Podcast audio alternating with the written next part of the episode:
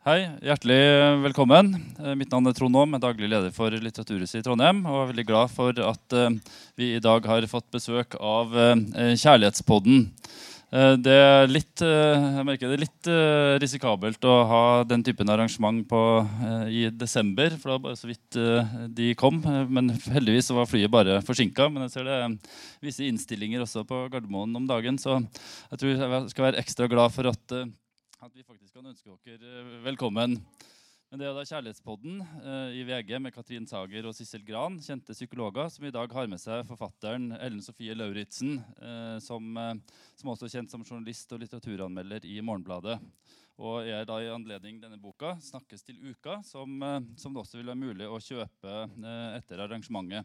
Og det er sikkert også mulig å få en signatur hvis man ønsker det. Og en hilsen. ja. Så med det tror jeg bare vil gi ordet til dere. Hjertelig velkommen til Trondheim. Tusen takk.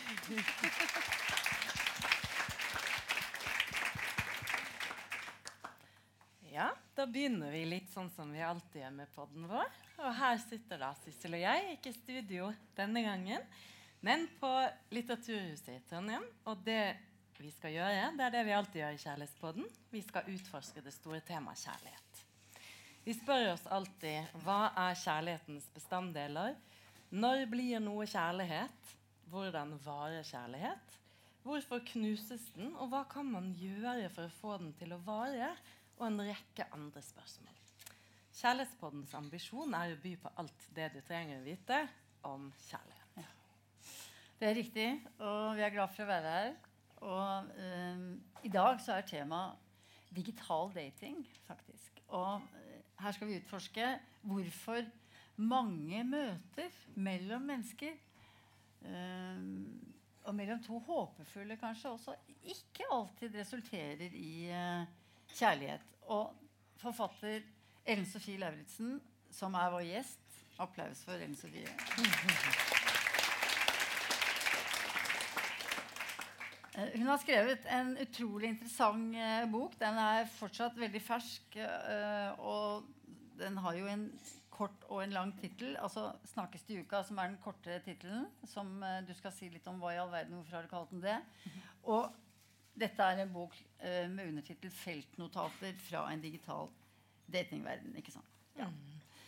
Mm, og den er jo da basert på dine eller forfatterens egne erfaringer fra den digitale datingverden, samt informanters og venners og forskeres synspunkt på denne formen for interaksjon. Så vi skal, gå litt, vi skal snakke litt om boken. Vi skal snakke om noen av temaene i boken.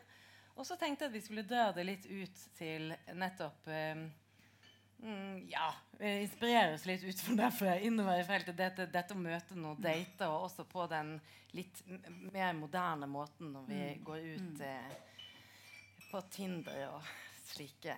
ja.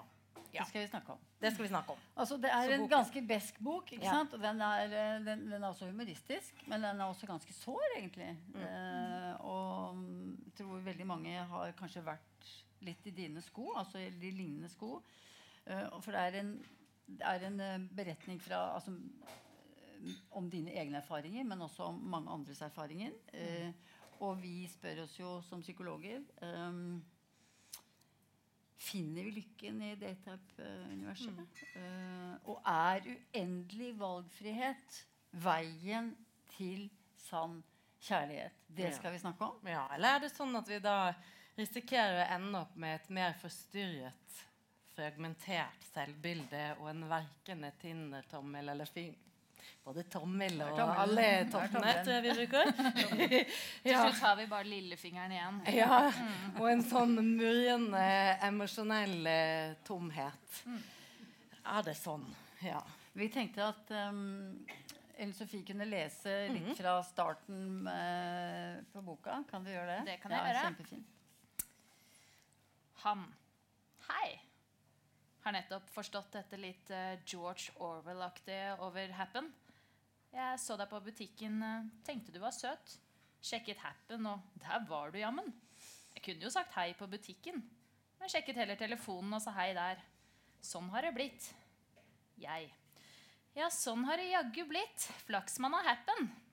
Selv om den noen ganger kan være på grensa til creepy. Nå lurer jeg selvfølgelig på hvilken butikk. Jernia, Meny, Sultan, Rema. Han. Det var Kiwi på Torshov. Ja, det er litt creepy, men eh, litt gøy også. Jeg nevner ikke at jeg aldri har vært på Kiwi på Torshov. Men eh, jeg noterer meg at han skriver Torshov feil. Skrivefeilen er et obs-varsel. Vet han ikke hvordan Torshov staves? Kan dette være en fyr for meg? Men uh, han er fin på bildene. Store, pene øyne, et godt blikk. Han får passere. Samtalen er i gang. Vi skriver til hverandre frem og tilbake om hvor vi vokste opp, hva vi driver med, hvilke TV-serier vi liker, og har jeg lest noen gode bøker i det siste? En byttehandel tar form. Hvis jeg tar med en bok til han, skal han låne bort en TV-serie til meg. Vi peiler oss inn på søndag kveld. Ikke forventningsfulle fredag med tilbakelagt arbeidsuke og helga som en stor, åpen slette foran en. Ikke hakket mer desperate lørdag. Nei, søndag er trygg, lun og avslappet. Nesten som en bonuskveld. Ingen forventninger, ikke noe press. Man tar et glass, og så går man hjem. Da vi avtaler å møtes på torsdag, kjenner jeg en velkjent kribling. Dette kan bli fint. Men eh, søndag er også dagen man gjerne kan føle seg litt blå. Og når den kommer, så har jeg mest lyst til å avlyse. Det er desembermørkt og frost på bakken. Kroppen er tung i sofaen. Og tanken på å ta på seg maskara, fikse det vinterflate håret og forsøke å stappe ullstillongsen inn, inn i de trange buksene frister lite. En melding tikker inn. Den er fra han. Er vi fortsatt på klokka ni? Jeg skulle akkurat til å skrive til deg. Jeg er blitt sjuk og må dessverre avlyse, skriver jeg. Visker ut. Skriver i stedet. Det er vi. Ses. Ja. Det er jo sikkert en velkjent ambivalens for mange. Dette at man har lyst, og så plutselig Nei, jeg orker ikke. Det er noe ukjent.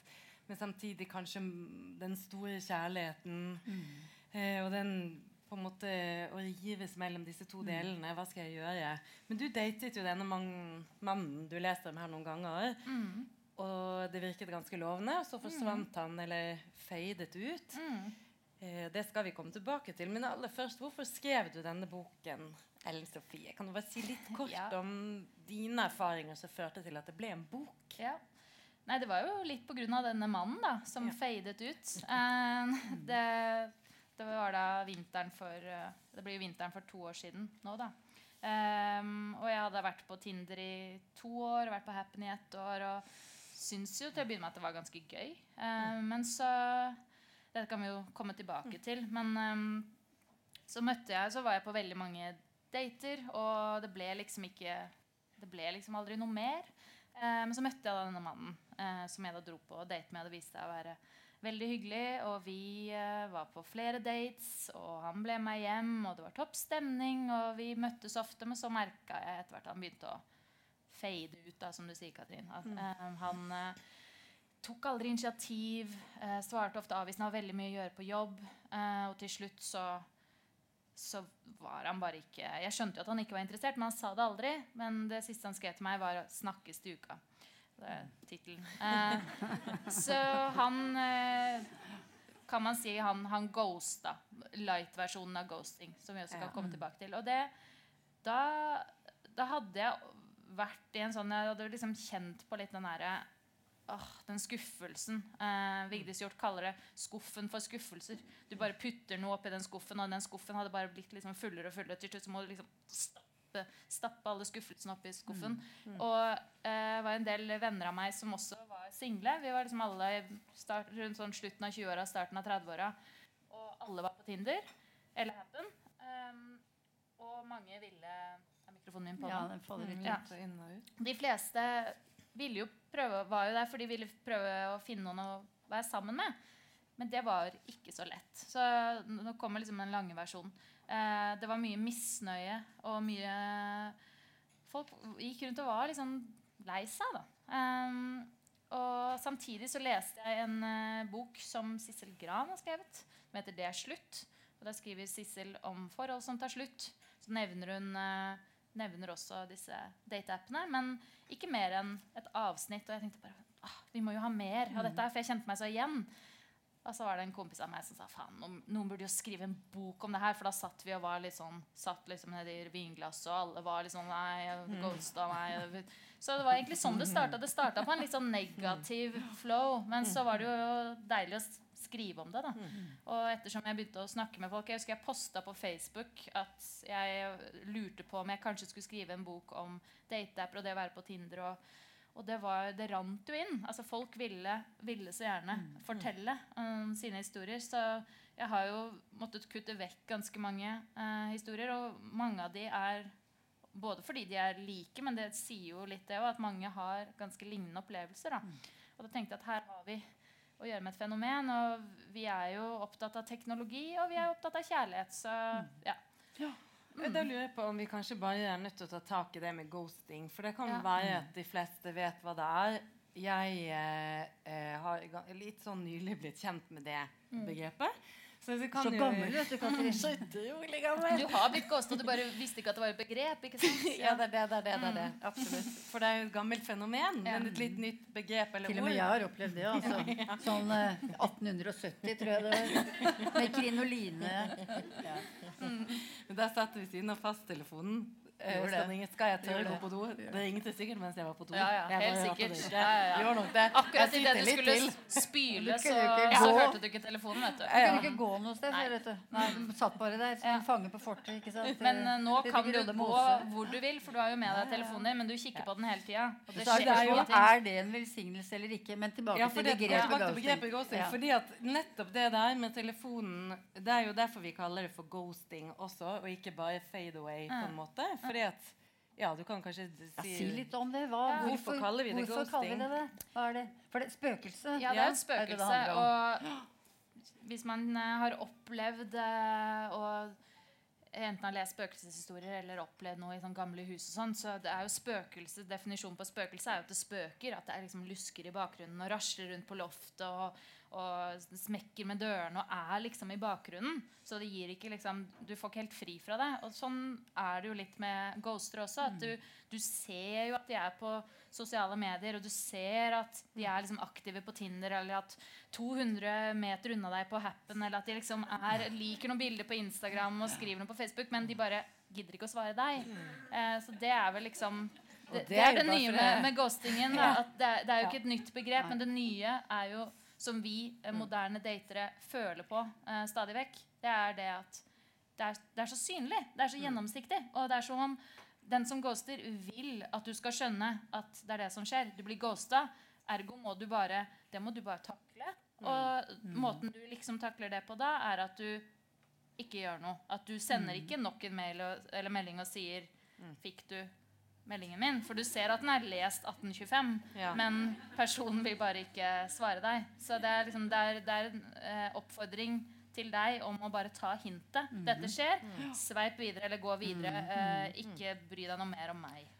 For da blir jeg nysgjerrig på, Sissel, hva tenker du er forskjellen på en avvisning, som er mer en tydelig avvisning, jeg eh, vil ikke dette mer, eller beklager, jeg føler ikke noe for deg, eller dette er ikke noe for meg, ha det bra, avvisningen mot denne ghostingen. Hva er forskjell på disse to? Ja. Det, er- tror jeg er veldig Psykologisk sett så er det veldig ulikt. Det er veldig vondt å bli fortalt at, eh, altså at sånn eh, ansikt til ansikt at du dette går ikke lenger. Altså, alle er redde for eh, Særlig hvis det har vært et forhold, da, Ja. eller et lignende som har kunnet bli et forhold, så er man redd for ordene 'vi må snakke sammen'. Ja, ja. Det er en veldig herregud. skummel setning. Det er sånn herregud-setningen, helt uavhengig av alder, egentlig. Da, da synker det. Da liksom. synker det, og så kommer hardhjertet. Ja. fordi da venter man på en veldig dårlig beskjed. Ikke sant? Men eh, allikevel så er det å få en beskjed om at Veldig hyggelig å treffe deg, men dette kommer ikke til å gå. Jeg går videre i verden, og ha det bra. Og lykke til på ferden videre i, i det deilige Tinder-universet. Det er ikke noe gøy, det, men jeg tror det er, det er mindre gøy å ikke vite Gjorde jeg noe galt? Eh, var jeg for pågående? Var jeg ikke pen? Var jeg uh, for needy? Var jeg klein? Ble det for mye av Eh, meg? Ble det for mye av meg? Var jeg for framoverlent? Var jeg liksom Skremte jeg bort en mulig drømmeprins eller drømmeprinsesse? For det, og det blir man sittende med. Og det som skjer med hjernen da, ikke sant, det er at den blir værende i en kronisk stresstilstand. Du kom, havner i en sånn beredskapstilstand og skvetter hver gang det sier pling på telefonen din for å se om monne kunne det være vedkommende allikevel som kanskje kunne ha ombestemt seg, eller kanskje ikke ville ghoste allikevel. Så jeg tror det- det. det er ikke det.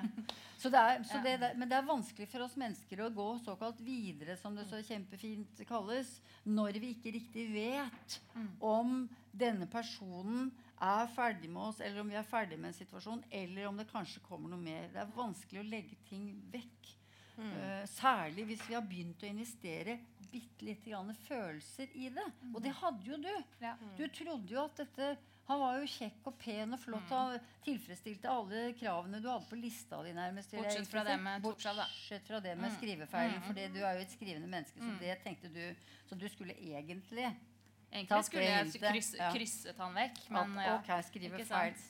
Men, eh, men en annen ting som du jo nevner, da, dette med at var, det, var jeg for ivrig, var jeg for pågående, var det for mye meg? Man går rett på hva som er på en måte galt med en Ja. selv, istedenfor å snu på det og si at fy faen, denne personen gidder ikke å svare meg. Hvor frekt er ikke det, liksom? Altså at man ikke, man Ja. klarer ikke å se det, eller i hvert fall vanskelig, da. Og det er jo veldig lett å bli Ja. liggende våken og bare Få fortolkningsfeberen Ja, og, tenke jeg at kanskje Jeg lå i hvert fall veldig lenge sånn og tenkte Gikk igjennom alle datene liksom, og hva jeg sa og hvordan jeg var. Det er veldig slitsomt. Ja, Men hovedfølelsen jo er jo skammen. Ja, absolutt. Altså fordi du skammer deg jo over og at en, en, altså en person bare forsvinner fra deg på den måten, i stedet for at det er den personen som burde skamme seg over å, å være så frekk.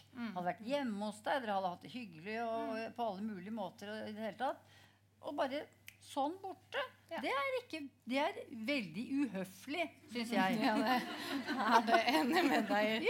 så det er noe med fokuset. Fokuset kan lett uh, på en måte skli innover i en, på, mot seg selv. En mer selv, selvbebreidende stil med en sånn type utgang.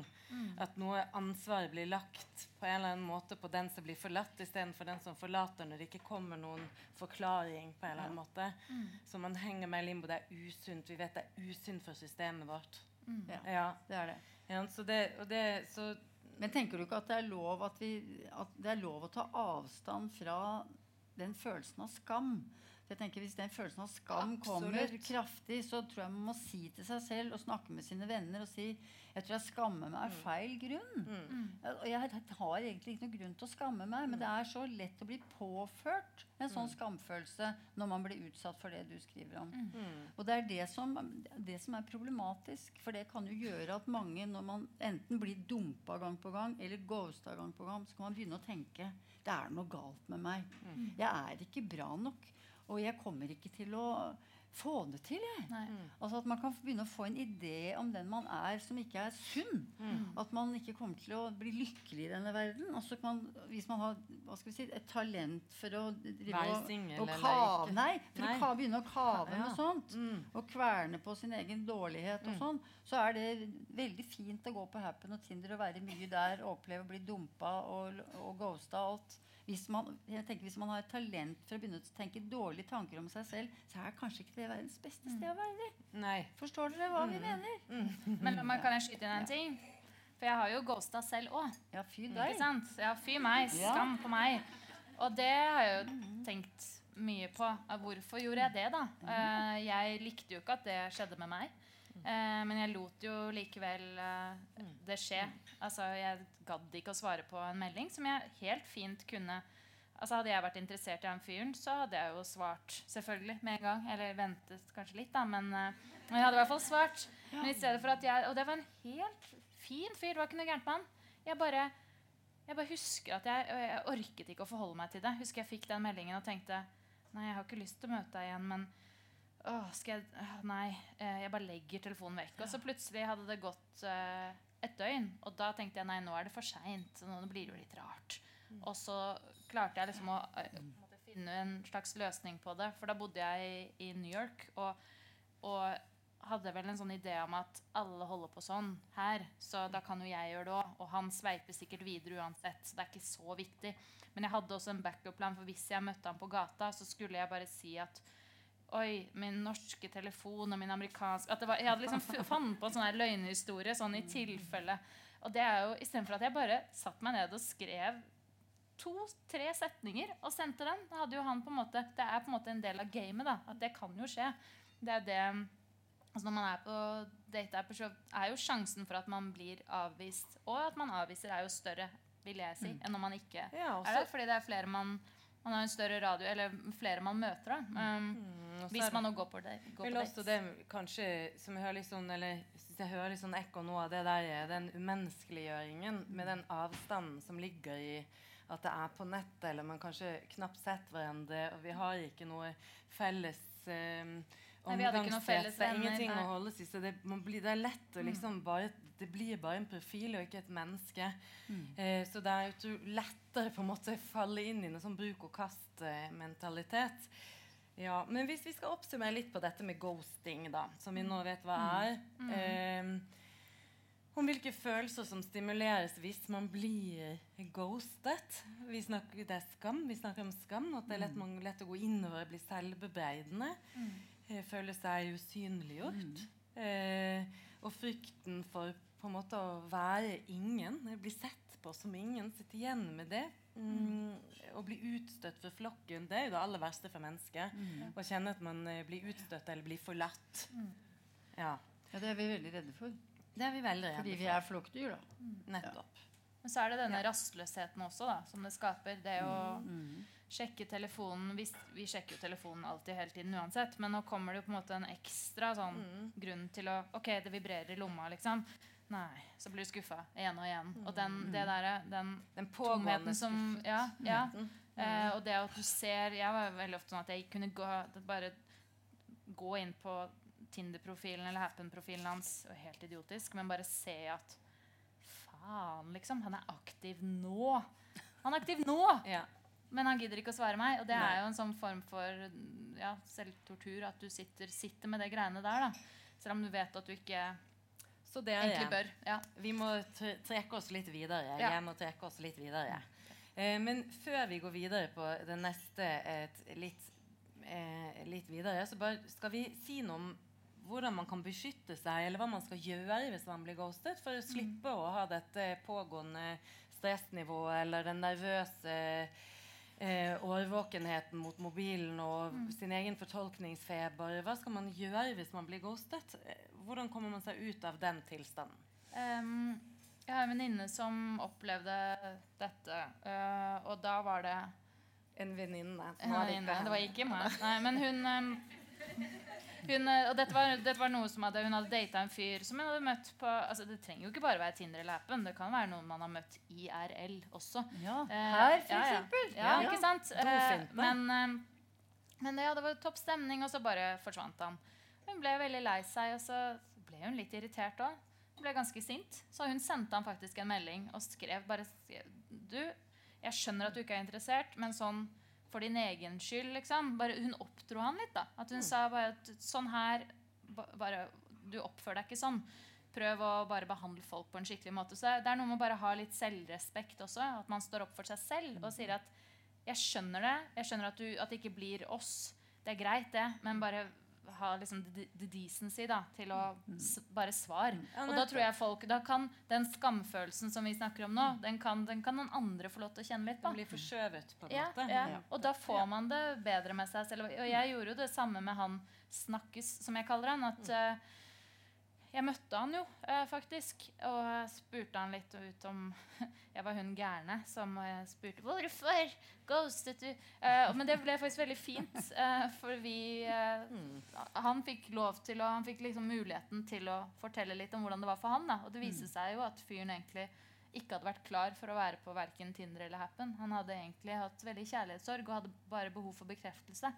Eh, så det var jo en annen Vi, fikk- vi snakka lenge og vel om dette her. Jeg sier ikke at alle må gå ut og liksom ha en liksom kaffedate med en som har ghosta deg, kreve det, men bare det å liksom få sagt fra for sin egen del og bare få sendt den meldingen og la det være en slags closure når du ikke får den closuren som du egentlig Mm. Så trenger. ta. Til Ta å det, gjøre det gjør selv. selv. Mm. Snakke med venner, som du sier, Ja. Sissel. Hjelpe seg til hvis Ja. man blir fanget i ghosting, eh. Få hjelp til å bli frisk fra den feberen. Ja. Kaste unna det spøkelset. Eh, forskyver fokuset til den andre og tenker at her er det jo ikke jeg som er den uhøflige og den eh, gale. Det er jo den andre Som er uhøflig. som er uhøflig, rett og slett. Ja, Og Men så du- gi litt opp. Vi må videre. Vi må til, Vi må til neste. Til benk, benk, Benking, benkingen. som er det neste begrepet vi skal inn til. Det er eh, i grunnen ne- nesten verre. Ja, det kan være ganske ille, det. Å bli sittende på ventebenken fordi du får det jeg kaller en pellet i ny og ne. Sånn pellet som triller ned til rotta i byen. ikke sant? Sånn, som, med litt ujevne mellomrom. Mm. Du trodde han eller hun var vekk, men så får du en liten melding. 'Hei, jeg sitter her på Litteraturhuset i Trondheim jeg, og tenker på at vi hadde det egentlig veldig hyggelig. og Skal vi ikke ta en kaffe en dag? Eller? Jeg sitter her på Du får ikke så velartikulerte meldinger, altså, men du får kanskje en halla bra helg. Halla, bra helg. Sitter her på Litteraturhuset i Trondheim. En øl? Punktum. Ja. Spørsmålstegn. Ja. Ja. Og så møter du kanskje opp, og, men vedkommende er kanskje ikke der engang. Eller du lurer på det, eller du prøver da å si ja, men kanskje det er veldig hyggelig. Når skal vi møtes? Og så gjør du ikke noe. ja, det kan skje. Ja, og da begynner vi å snakke om eh, Hvis du begynner da å få denne beredskapen igjen hele tiden, så, så snakker vi om benching. Altså sitte på ventebenken. Og det er jo veldig Veldig ubehagelig å sitte på ventebenken. Og innimellom være interessant og bli Innimellom møtt. ikke og, være interessant. Nettopp. Og hvis du skyver på en avtale, så blir det helt stille. Dette her har jo jeg skrevet en hel bok om. også. Ja, for det, det, vi er inne på det Ja. som vi kaller for hekt. Ja. Da, det er jo litt gøy hvis du sier favorittema, litt. Ja. litt om det selv, og sier hva det gjør med oss, og hva det er, liksom. Det er rottepsykologi utført Ja. på mennesker. Ja. Enkelt og greit. Ja. Ferdig snakka. Bare én setning om rottepsykologi. Ja. Det var BF Skinner, den gamle psykologen, som fant ut at du kan betinge et dyr til å utføre en viss type atferd. F.eks. trykke på en spake inni et bur. Hvis du belønner den trykkeatferden med å slippe en pellet ned i en skål, en liten matbit. Men det han fant ut, det var at hvis du slipper ned en pellet med veldig ujevne mellomrom, så slutter ikke rotta å trykke. Altså atferd som er etablert via intimiterende forsterkning, er vanskelig å ekstingvere, heter det på psykologspråket. ikke? Ja. Altså Det betyr at hvis du har lært deg å gjøre noe, eller blitt vant til noe, eller driver med noe, for, og dette har du lært deg til ved at du utsettes for uforutsigbarhet. Om du er liten og du har uforutsigbare foreldre eller en uforutsigbar venninne eller kompis som bare stiller opp sånn innimellom, så kan du komme til å bli veldig beredt og ventende på den neste pelleten, som rotta til Skinner.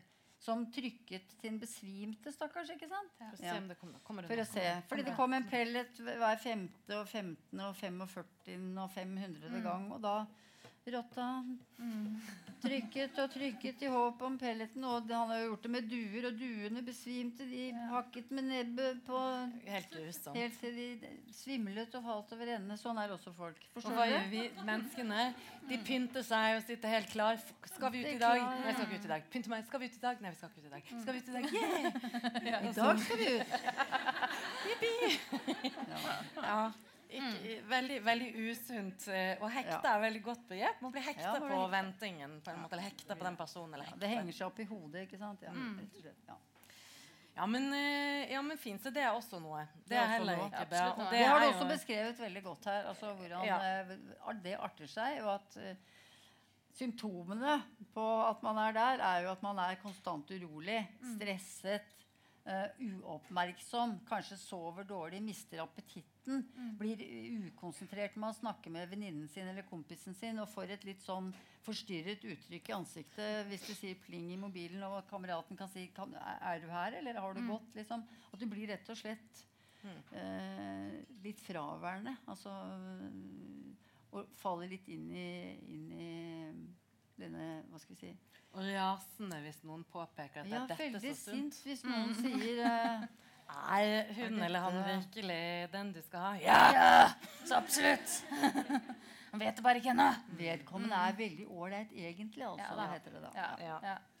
Ja. Riktig. Så det kan være, hvis vi tenker igjen konkret, at eh, det kan f.eks. være dette med ventebenken, at én dater mange på en gang og rett og slett ikke har tid til å følge opp. Det kan være noe sånn som dette, rett og slett.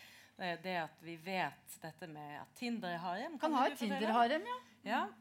Du kan jo fortelle. Vi har tid til det. Vi har tid til at du forteller om Tinder-haremet. Kjenner dere. Tinder-harem-begrepet? Nei, dere gjør ikke det. For det lærte jeg av en pakistansk drosjesjåfør i Oslo. Som fortalte Jeg vet ikke, jeg kom fra et eller annet sted, jeg hadde vært og snakket om utroskap i et eller annet program, og så spurte han om han skulle kjøre meg hjem. Jeg hadde sånn ekstremt mye sminke i trynet, for det var TV, så han sa oi, liksom. Så jeg har vært eh, Det er ikke mitt vanlige ansikt. Så, nei. Og så ble han ivrig, og så begynte han å snakke om konen sin, og så sa han at han hadde en kone i Pakistan. Så han var jo utro, for han hadde jo en eh, norsk kjæreste her og kone i Pakistan. Men han syntes ikke det var noe problem. Og så sa jeg, men oi da, hva hadde hun syntes hvis du, hun visste at du Nei, det fikk ikke hun vite, og det gikk kjempebra og sånn. Ja vel, sa jeg, men sånn kan det gå.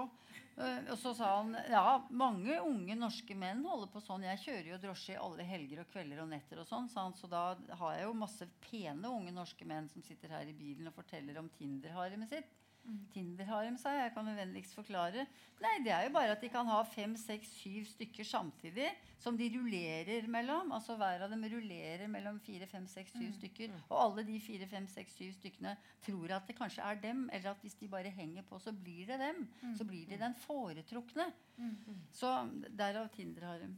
Og der er litt sånn benching òg, spør du meg. Ja da, veldig det. Mm. Men jeg syns at begrepet var godt, så jeg sa det skal jeg Veldig godt. spre i det norske samfunnet. Og det holder du på med. Veldig bra. Og det gjør Sissel Gran nå. Ok, så vi, med- tenkte vi, ja. ja. nei, jeg tenkte kanskje vi skulle snakke litt om avhengighet. Eller ville du hadde Nei, jeg vil bare si én en ting til dette med Tinder-arm. som er, det, går jo, det er jo både menn og kvinner har det. Og det, det er jo ikke nødvendigvis sånn at man går rundt og liksom Ja, ja, jeg har et Tinder-harem her. Hæ? Men, men at man bare dater flere samtidig og kanskje ikke tenker så mye mer over det. Men da blir det jo sånn at For det gjorde jeg da jeg bodde i New York. Jeg kunne godt finne på å ha og Oslo for så vidt. Jeg kunne plutselig ha liksom tre dates på en uke da, med tre ulike menn. Eh, og da blir det sånn at man sitter og måler disse opp mot hverandre. Selv om man kanskje ikke gjør det bevisst, så gjør man det jo likevel. Man prøver jo å finne den man liker best, som da på en måte går videre. Eh, hvis, hvis den personen liker deg òg, da. Så det blir jo en sånn Du krysser ut. altså Du, du går på Du har på en måte hjertet dem. Og det er liksom første steg, og så går du på den daten for å finne ut om det kan bli en date til. Og så har du da to-tre andre som du også har på den lista over kanskje. Og så krysser du kanskje ut en av de. Og, så får, og det fører også til at kanskje det kan kalles et slags Tinder-harem, men det er ikke alltid sånne harem er en sånn Halla, halla, jeg har et harem. Men, men at det bare er noe man fordi, fordi man har den bunken der, og fordi det er så lett å snakke med så mange samtidig. Og man gjør jo ofte det, og det kan være fint å snakke med mange, og fint å gå ut og bli kjent med folk. Og jeg sier ikke det at liksom Nei, du skal holde deg til én, og absolutt én. Og, men, men, men det jeg merka med det, var at min en måte, jeg, jeg klarte ikke å holde helt på fokus. da Nei. Eh, for plutselig chatta jeg litt med én, og så var det en annen. Og Mhm. Dette var folk da som jeg gjerne hadde møtt, men også de jeg ikke hadde møtt. Som jeg, da kunne jeg, jeg kunne fint ha en sånn Oi, han var søt! Trykk i hjertet. Oi, det ble en match. Og så bare havna han i bunken, så på en måte glemte jeg han. Og så plutselig skrev han kanskje 'halla, fin helg'.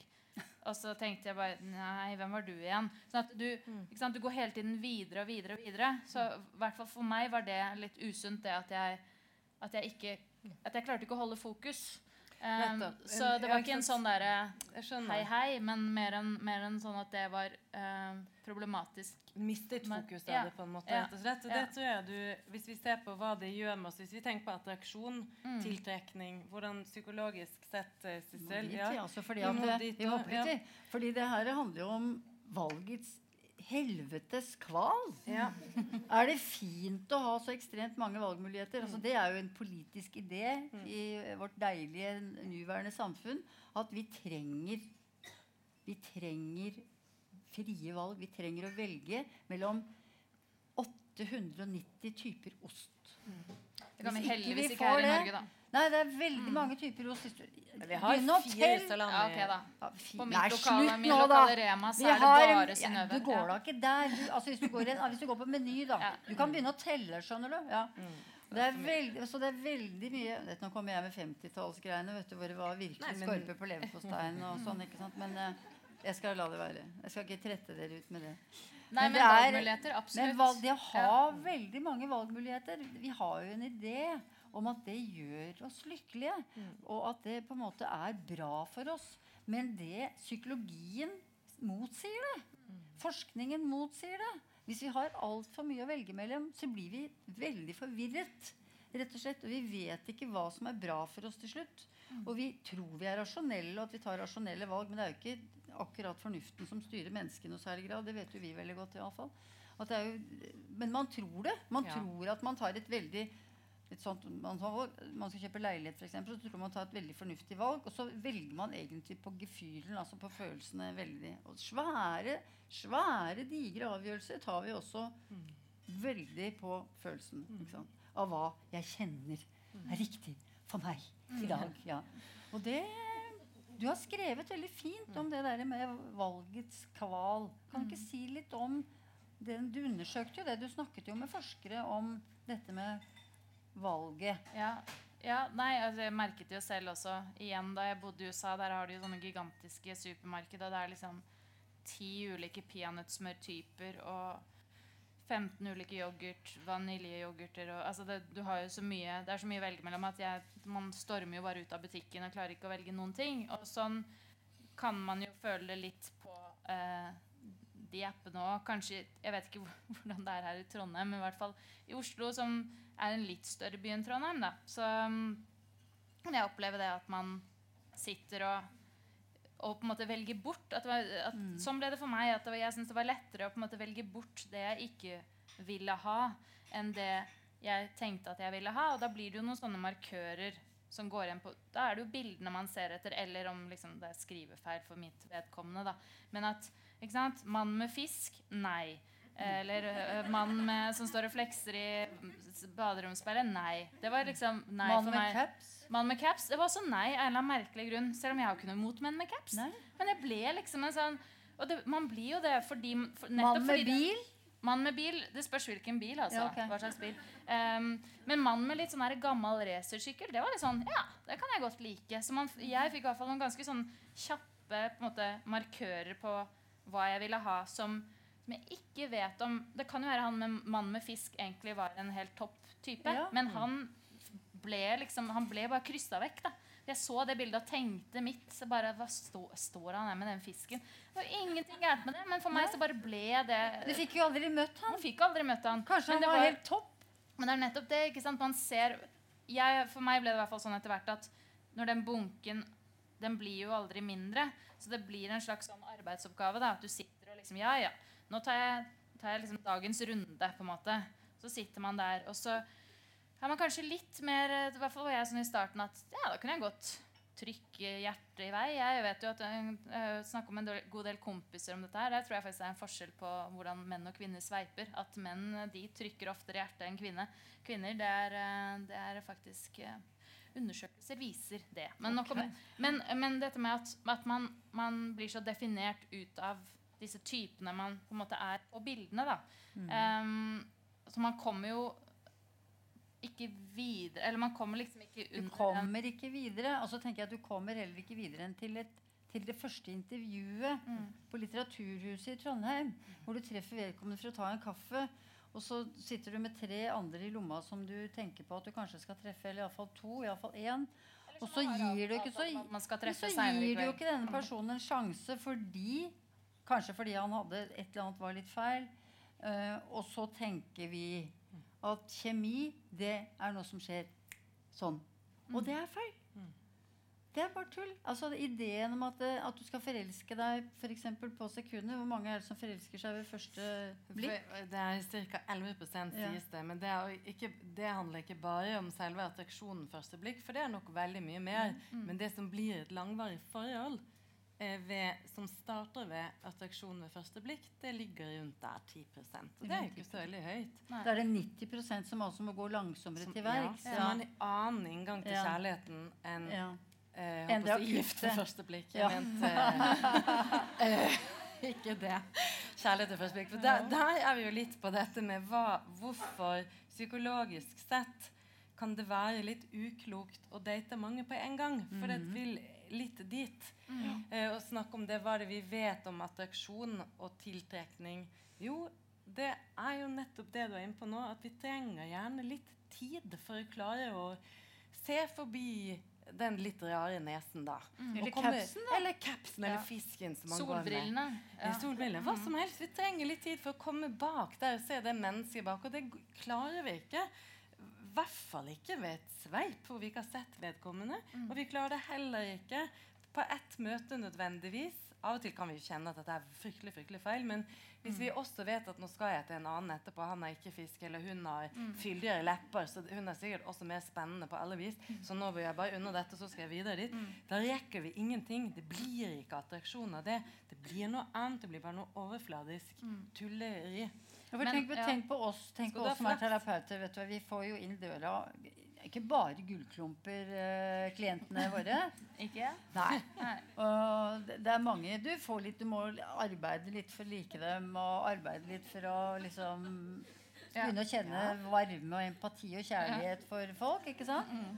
Ja. Uh, folk som er stramme i maska, som er slemme mot hverandre. Det blir ikke veldig god terapi hvis ikke vi kommer dit. Så det er faktisk Vi, vi kan tulle, tulle masse med det, men det er, vi må dit at vi liker det. Det klarer vi også. Vi gjør det, for Ja. vi greier faktisk å gjøre noe med kjemien. Altså Vi greier å gjøre noe med Vi skrur oss selv på når vi skal jobbe med folk. Nye mennesker som kommer inn døra, eller klienter du har hatt en stund, og som du blir sliten i hodet av hver gang. Idet du setter deg ned med dem igjen for 25. gang, og du syns det ikke har skjedd så veldig mye med dem, jaggu meg så kjenner du varme i hjertet. Ja. ikke sant? Og senest i dag følte jeg varme i hjertet for et par som jeg egentlig har lyst til å banke livskitten ut av. Ja.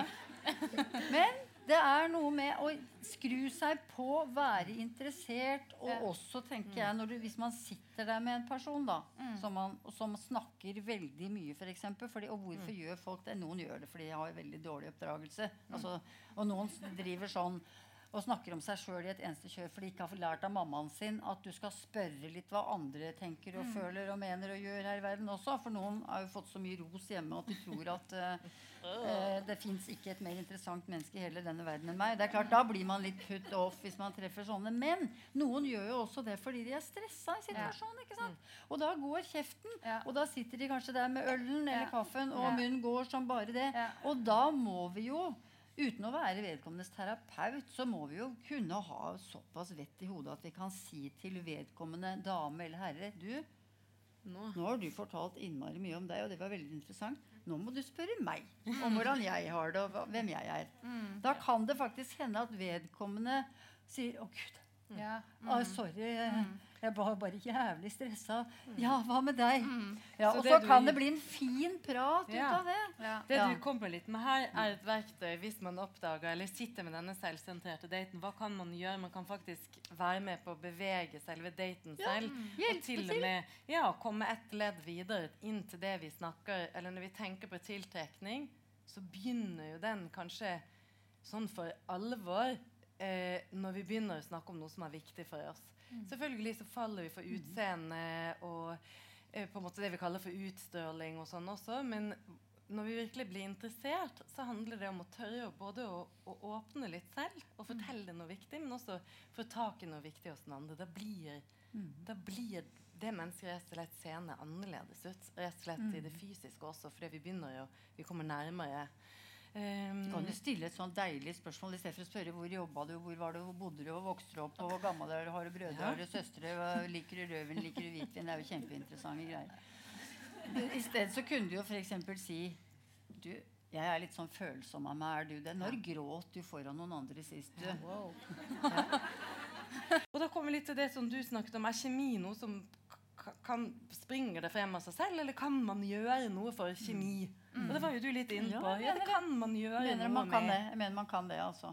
Og så er vi veldig fordomsfulle. ikke sant? Vi er veldig sånn Vi ser etter små detaljer. 'Å nei, det var nei, akkurat Jeg, jeg tenker på da jeg traff min mann, uten å bli altfor personlig her. Litt, det er litt siden! lenge siden. Og da eh, hadde han jo en forferdelig jakke. Eh, en kordfløyelsjakke i mosegrønt. Og det er jo ikke fint.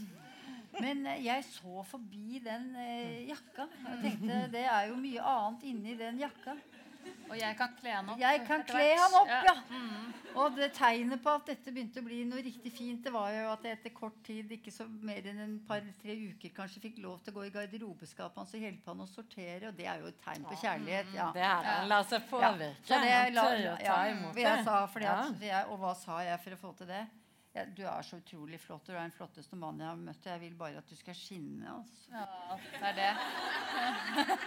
ja, det vil de jo. Det vil jo man vil jo beundre Nå den, går den bare eh, i svart vet du, og er ganske barsk med hvitt. er og- veldig kjekk, rett og slett.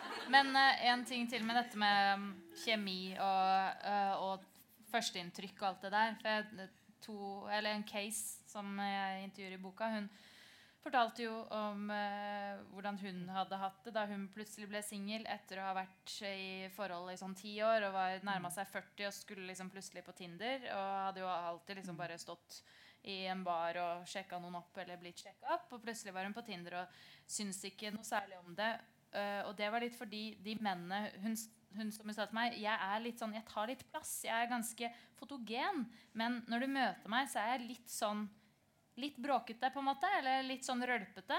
Og hun og, og, og måte, ja, hun er veldig fotogen. Hun er jo en vakker dame, hun. Men, men jeg skjønner litt hva hun mener. Og, um, Det må du ta litt lenger ned, kanskje. sånn. Ja. ja. Nei, så Hun opplevde jo det å komme på date og se bare menns, mennenes ansikt bare litt sånn hmm. Eh, På grunn av når ja, de fordi, så henne? Ja, den, Ja. Mm. Eller, eller når de begynte å snakke med henne. Um, Så hun syntes jo det var litt vondt. Og så, så, så hun hadde egentlig gitt opp. Men så var hun bare innom sånn en gang i uka bare for å se på disse mann med fisk-bildene og le litt av det. Og sånn Og så, og så plutselig ser hun en fyr som Oi, men han vet jeg jo hvem er. Eh, han har jo vært liksom i min utvida vennekrets i ti år, men trodde han hadde kjæreste. Ja. Jeg får trykke hjertet, da. Og så ble det en match. Og hun var litt sånn Ja, ja, ok, får gå på date, da. Eh, visste jo hvem han var, men visste ikke sånn altfor mye om han. Men hun var i hvert fall litt sånn Ok, det er han. Og de var på date, og han sitter da på den daten og er skikkelig nervøs. Stemmen er liksom sånn i fistel, og han skjelver og er helt ute. Og så sa hun det at det hadde ikke vært for at jeg visste hvem han var fra før av, og var litt sånn, alltid syntes at han var litt søt, så hadde jeg bare tatt den ene ølen og sagt ha det bra og aldri sett han igjen. Um, men det tok fire øl. Og så på en måte tødde han opp og slappet av. Og det ble de, da. Og nå er de sammen. Og det er liksom moralen i den historien er jo det at man skal selvfølgelig, hvis man møter noen som bare sitter liksom helt der eller, altså hvis du bare kjenner, Man kan jo også kjenne ganske fort at ok, her er det faktisk ikke kjemi i det hele tatt. Og det må være lov. Men det er også det med å bare Hun sa jo det. Hadde ikke jeg kjent han, så hadde jeg gått med en gang. Hadde jeg ikke visst noe om han, så hadde jeg bare stukket. Og det syns hun var litt ekkelt å tenke på. For nå er tenker hun at dette er Det er drømmemannen. Ja, Ja. Tenk at hun mistet han. kunne Hvis hun ikke hadde visst litt hvem han var fra før. Fordi hun hadde da gitt etter Hun for sine egne fordommer. fundamentet, da. Og det er det man ofte mangler. Eh, jeg husker du, du skriver jo veldig fint om det, og da tror jeg, hvis ikke jeg husker helt feil, så skriver du at det hun sa til han når liksom etter fire øl, da, eller da de begynte, skulle bryte opp, liksom, hva, lurte hun på hva han ville nå. mm, være med deg, Være med deg. Så da var det liksom helt sånn OK, ja ja. Og det, det er jo kjempeinteressant, akkurat det der med og, For jeg syns jo at den all forbeholdenheten som vi ser, er komplisert. Altså den derre At man ikke skal kaste seg litt på, at man ikke skal trøkke seg litt på andre folk. At man skal liksom Nei, det er helt greit. Ja, det er fint. Veldig hyggelig å treffe deg. Ja, det, nei, det er helt greit for meg. Mm. mm. Og så er man jævlig såret, ikke sant? Eller øh, føler seg helt alene i verden og er egentlig sånn etter å finne seg et menneske å klore seg fast til. Men nei, det skal man ikke si. Man, for man skal være uavhengig, og man skal være så selvtilfreds, og man klarer seg så bra. Og man, singel er egentlig kjempeålreit. Det er egentlig ikke noe bedre enn det. Altså, det er jo ikke sant! Ja, det er jo helt naturlig for mennesker å, å ville ha en hjertens kjær og ville være spesiell for iallfall én person i verden. Ikke bare liksom den lille kusina di på fire år som syns du er helt toppers. ikke sant? Men kan- et voksent menneske, da. En, en som, eh, som syns at du er helt topp. Altså, Vi vil jo gjerne ha et sånt livsvitne. Altså en som virkelig ser oss, og som bryr seg om oss og skjønner hvem vi er. alt dette. Det. Og det så tenker jeg Jeg må trekke litt frem gamle dager. altså. Ja, men jeg elsker gamle dager. Er det greit? Vi gjør det. Kjør på med gamle dager. Kjør på med gamle dager. For i gamle dager, dere I gamle dager. Da gikk vi jo ut, og så traff vi jo folk. Eller vi, vi gikk jo på dans, og så traff vi jo folk. Og så, Dere gikk på dans. Ble det på bydd opp? dans, og så gikk vi opp, sto vi og hang på et hjørne. ikke sant? Og så var vi med noen venner, og der kom Gunnar, og det var jo ålreit. Det, det hei, og Man kunne liksom møtes sånn, og man møtte jo ikke 500 stykker på Tinder. Man møtte kanskje to eller én, eller i løpet av et, eh, et ungdomsliv kanskje fire-fem. Det var noen der for alle. Men det var aldri så skakk og skeiv, liksom. Nå er 25% av menn over 45 år har ikke kjæreste og ikke barn. Det er ganske mange. Det er, Stor og det er rart, for nå er det jo mange. Hvorfor Hvorfor finner ikke de hverandre? Jeg skjønner Ja. ikke Nei. helt hva dette er. Nei, men jeg tror at det, noe av det handler om det Else Ja. Skriver om. Med valgene. At det er altfor mange valg. Og at man ikke gir det tid. Og at man er altfor redd for å virke påtrengende. At man er veldig redd for det, og at man også er forbeholden med hensyn til å gå inn i noe fordi man er redd for å bli såret. selvfølgelig. Fordi man er veldig redd for at man skal knytte seg til noen, og så går det galt. Fordi man har kanskje opplevd det mange ganger før, og det er vondt. Det gjør så vondt i hjertet at man tør nesten ikke til slutt. Men jeg tror at kjærlighet er risikabelt. Det. Mm. det må vi bare akseptere. Og at hvis man skal For før så hang vi jo på. Hvis det var en vi ville ha. Ja, vi stalka dem jo nesten. Ikke sant? Ikke sånn farlig, altså, men sånn vi liksom Vi møtte opp. Ja. Gutter møtte opp, og vi møtte opp. Vi liksom defilerte forbi sånn tilfeldigvis. eh, Gjentatt eksponering. Gjentatt eksponering heter det. Effekten av gjentatt eksponering snakker vi om i psykologien. Men det var ja, det, og det driver jo ikke folk med. Nå er det liksom sånn Å nei, det var ikke interessant. Nei, nei. Så bukker man seg ut, liksom, og Unnskyld at jeg ler. Jeg er ikke interessert beklager, og, Eller jeg er heller ikke interessert. Ja. Du jeg var interessert i deg. Overhodet ikke. Det er et ordentlig falskspill. Altså, og på denne måten her får man ikke kjærlighet. Nei. Bare så dere vet det. Ja. Det var talen. Det var talen. Det er noe med flagge sitt behov. Ikke sant? Ja, Å tørre å gjøre det. flagge sitt behov og greie å si f.eks. Du, jeg er faktisk vill, på vill jakt etter en hjertens kjær. Jeg lengter etter kjærlighet så hjertet mitt buler. Kunne du kanskje, bli Kanskje det? ordlegg dere Ja, litt nei, bøker, det kan godt. Tenk deg hvor poetisk det var før. ja. Tenk, deg, tenk på alle bøkene her med alle diktene og, og poetikken som Det er viktig å understreke at det er liksom hjertet som sånn- buler. Det er Ja. hjertet buler, ja. Det er hjertet som buler. Hjertet, hjertet noe som buler. Da får du stå en mann, da. Ja, ja, ja, men Ja, ja. altså litt av hvert kan bule, og det kan være helt fint. Men, Men det er, eh, for for, det er altfor forbeholdent, Ja. og vi er for redde er- for å stikke tåa i vannet. Altså. det- Og jeg- fryktelig mange ja. er redd for også å si 'jeg ønsker meg barn'. Ja. Ikke Ja, er jeg er i en alder hvor jeg ønsker meg barn. Det er veldig mange kvinner som blir veldig redde når de begynner å nærme seg 30 og begynner å kjenne 35-38, og litt 38. sånn, ja, blir reddere og reddere, og på en eller annen måte på utsiden blir mer og mer Mm. Nei, det er ikke noe viktig for meg. Liksom. Å få barn. Og det og er så redd for å skremme vekk menn. Og jeg tror ikke egentlig at det er sånn at det er så mange Jeg tror menn mange menn gjerne vil ha ha familie. jeg. Tror det. Jeg tror faktisk det. Nei, man vil vel jo ikke bli lurt inn i et prosjekt heller, så det er vel noen noe med å tørre å liksom ja, jeg tror nok vi For jeg er jo i utgangspunktet positiv til uh, disse dateappene, bare vi lærer oss å bruke Ja. dem på riktig måte. Ja. Uh, og da mener jeg at da må man kunne tidligere uh, tørre å bare si hva man er ute etter. Man kan til og med skrive det på selve Selv om det høres litt sånn kleint ut å skrive 'vil ha barn', liksom. Men sånn, eller hvis man har barn, da, at man sier fra om det. Uh, det må være helt greit. For det som er så fint med Tinder, er jo at man Hvis man ser da at der er det en dame som har skrevet 'ønsker meg barn'. Nei, kryss vekk henne. Så er det en annen fyr som sier det er en dame som ønsker Å ja, det vil jeg også. Altså, man kan, på den måten kan man på en måte Man kan skrenke inn søk, innskrenke søket. Og det jo, kan jo være positivt.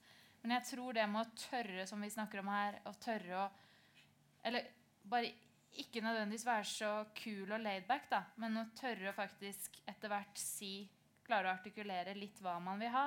Det må være greit, for er jo, vi er jo på den appen begge to. Liksom. Vi, de to som møtes. Vi sitter på, på den daten, og vi vet jo hvorfor vi er her. Liksom. Det, det blir så rart å ikke kunne snakke om det. Og bare liksom skulle, For det husker jeg med han Snakkes, at han sa sånn Det var jo egentlig noen sånn varsellamper, eh, annet enn Torshov. Eh, det var at han sa Jeg synes det er så fint og det er så bra med Happen og Tinder. Jeg møter så mye folk, møter så mye forskjellige folk. Og jeg tenkte jo da med en gang sånn Oi, men jeg har ikke lyst til å møte masse forskjellige folk.